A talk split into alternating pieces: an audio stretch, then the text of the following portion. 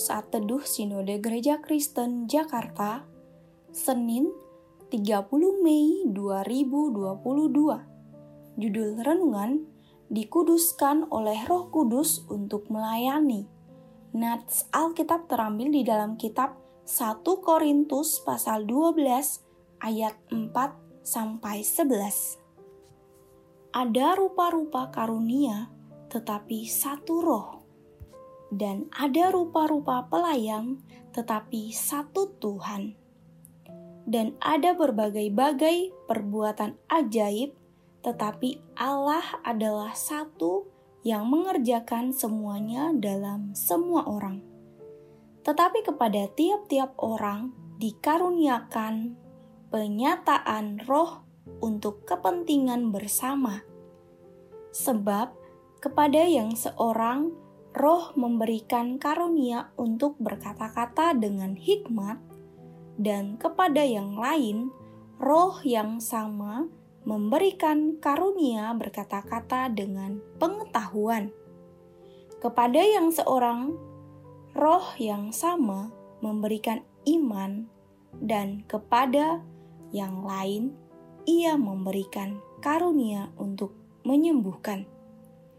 Kepada yang seorang, roh memberikan kuasa untuk mengadakan mujizat, dan kepada yang lain, ia memberikan karunia untuk bernubuat. Dan kepada yang lain lagi, ia memberikan karunia untuk membedakan bermacam-macam roh. Kepada yang seorang, ia memberikan karunia untuk berkata-kata dengan bahasa roh dan kepada yang lain ia memberikan karunia untuk menafsirkan bahasa roh itu. Tetapi semuanya ini dikerjakan oleh roh yang satu dan yang sama, yang memberikan karunia kepada tiap-tiap orang secara khusus, seperti yang dikehendakinya. Dalam olahraga sepak bola, semua pemain yang ada di lapangan mempunyai tugasnya masing-masing. Ada striker atau penyerang yang bertugas untuk mencetak gol.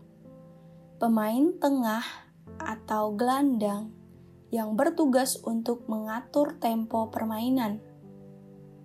Ada back atau bertahan sebagai penahan serangan lawan agar tidak mendekat ke tiang gawang. Ada juga kiper sebagai palang pintu terakhir, menahan bola agar tidak masuk ke gawang. Permainan sepak bola akan menjadi kacau kalau semuanya ingin menjadi kiper. Sepak bola juga menjadi tidak asik ditonton kalau semuanya ingin menjadi striker. Sepak bola menjadi menarik untuk ditonton karena masing-masing pemain mengambil peran dan memaksimalkan sebaik mungkin tanggung jawab yang diberikan kepadanya. Roh Kudus telah menguduskan kita. Kemudian, Ia memberikan kita karunia rohani. Karunia rohani setiap orang berbeda-beda, supaya saling melengkapi dalam melayani Tuhan.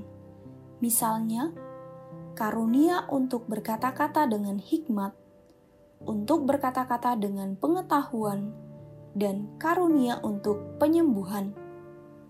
Ada juga karunia untuk mengadakan mujizat, karunia untuk bernubuat, karunia untuk membedakan bermacam-macam roh, karunia untuk berkata-kata dengan bahasa roh, dan karunia untuk menafsirkan bahasa roh ayat 8 sampai 10.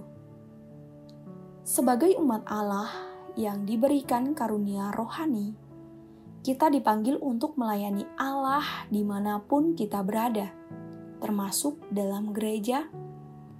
Karunia rohani tidak boleh menimbulkan perpecahan dengan menganggap bahwa karunia yang satu lebih hebat dibandingkan dengan yang lain seperti bermain sepak bola.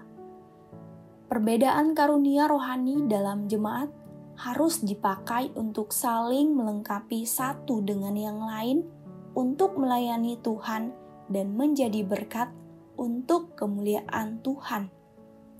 Setiap orang percaya dikuduskan oleh Roh Kudus dan diberikan karunia rohani. Kita harus bersyukur atas karunia rohani itu dengan memakainya untuk melayani Tuhan dan berkarya bagi Tuhan. Hari ini, gereja Tuhan membutuhkan banyak pelayanan kita. Sudahkah kita mengambil bagian dalam pelayanan, atau kita terlalu sibuk dengan pekerjaan dan usaha sendiri? Marilah kita memberikan diri untuk melayani Tuhan marilah kita melayani Tuhan dengan sukacita, karena Ia sudah memberkati kehidupan kita. Saat kita melayani Tuhan dengan sungguh, Ia akan menganugerahkan kita karunia-karunia yang lebih banyak lagi untuk semakin luas melayani Dia. Kita dikuduskan oleh Roh Allah dan diberikan karunia rohani untuk melayani Dia. Amin. Terima kasih, Tuhan Yesus memberkati.